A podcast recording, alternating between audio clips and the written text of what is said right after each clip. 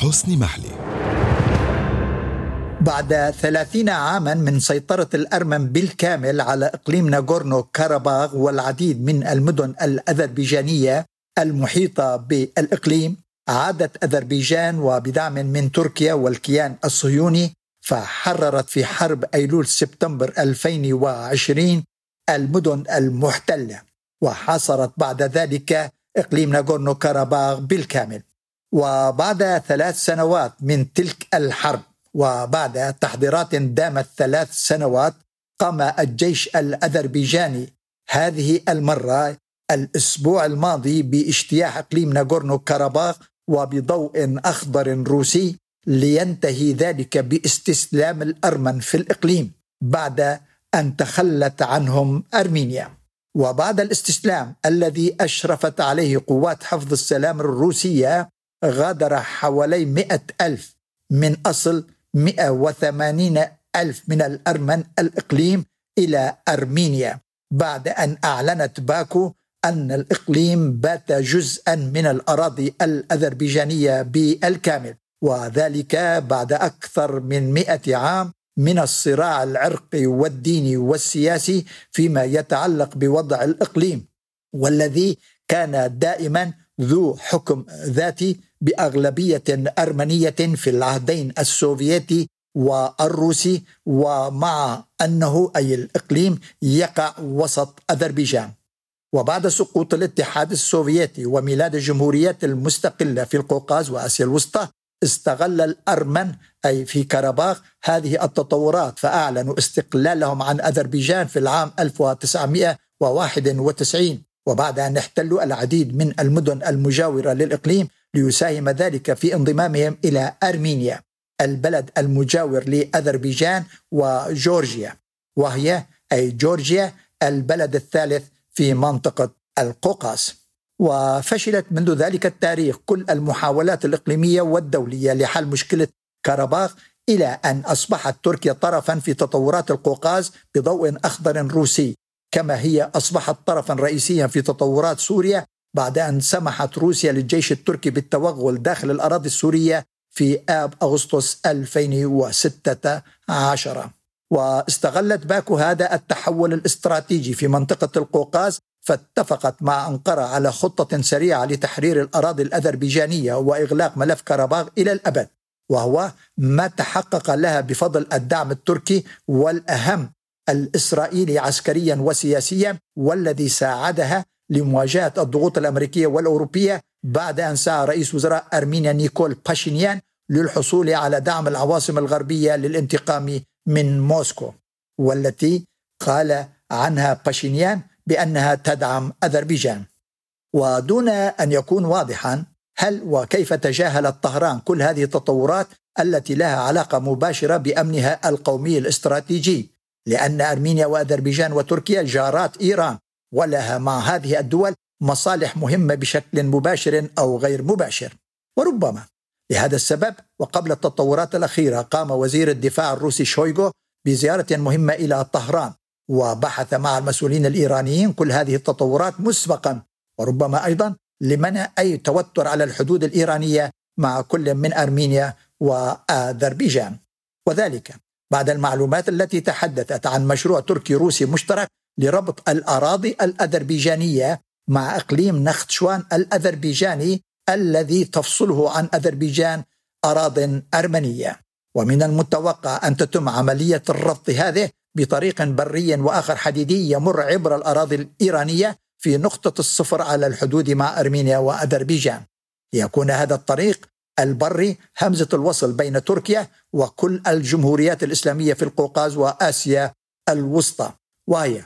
أذربيجان في القوقاز وكل من تركمانستان وأوزبكستان وقرغيزيا وكازاخستان في آسيا الوسطى وتعتبرها أنقرة جميعا جمهوريات من أصل تركي. وكان الرئيس الراحل تورغوت أوزال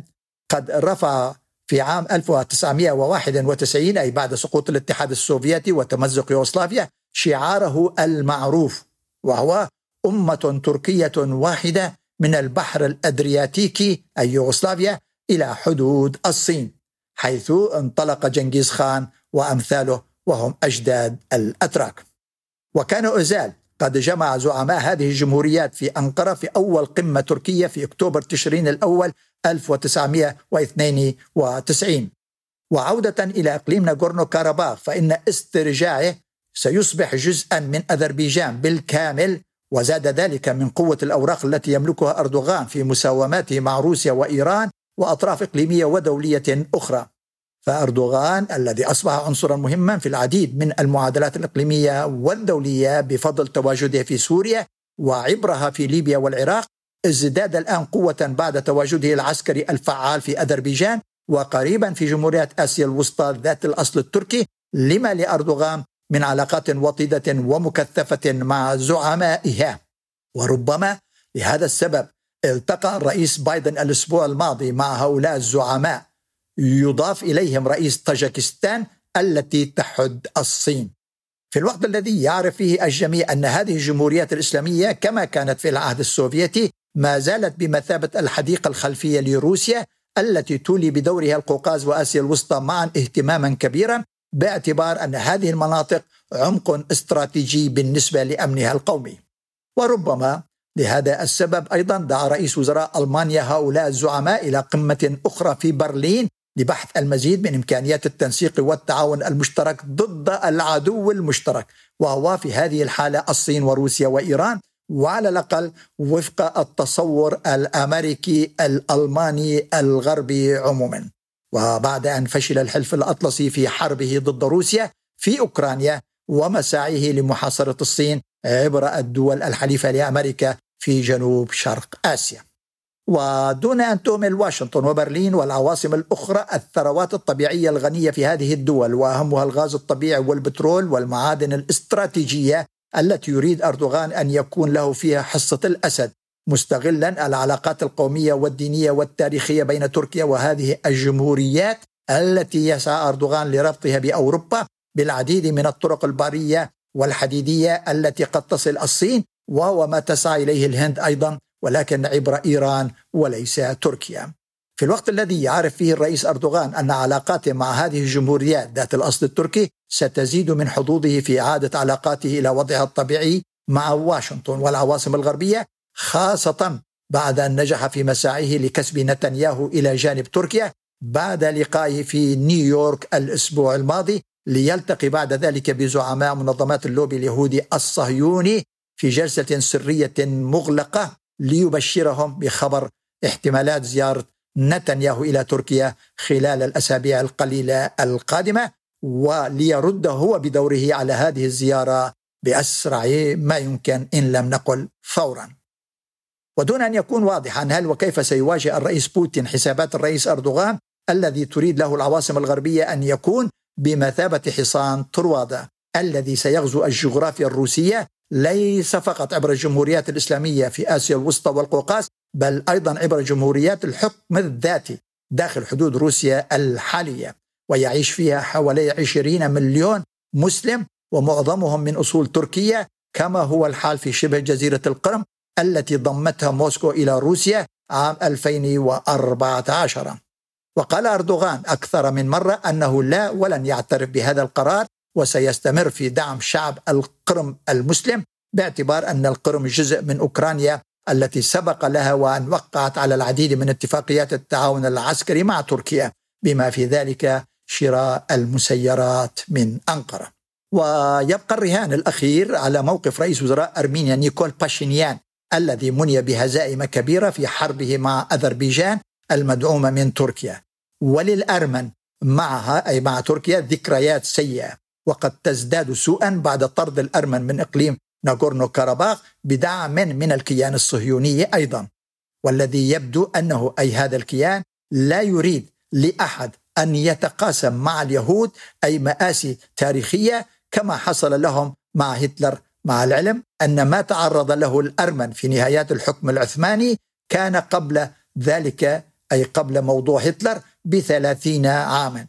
ومهما اختلفت الروايات بين الأرمن والأتراك فيما يتعلق بالمآسي التي عاشها حوالي مليون ونصف المليون من الأرمن عندما قامت الدولة العثمانية بتهجيرهم من مدنهم وقراهم داخل حدود الأناضول أي تركيا الحالية إلى سوريا والعراق وإيران.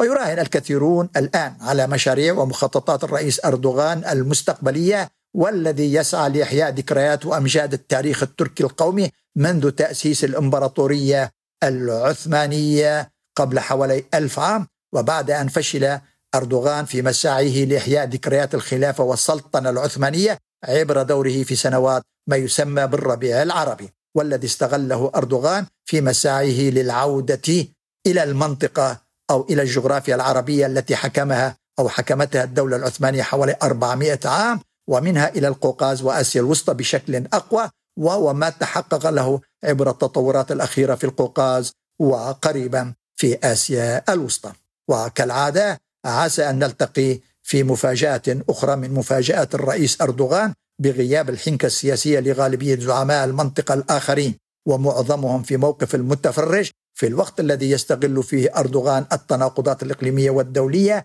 على الرغم من وضعه الداخلي السيء جدا بكل المعايير والمقاييس وفي جميع المجالات والتي لا يحسد عليها ابدا.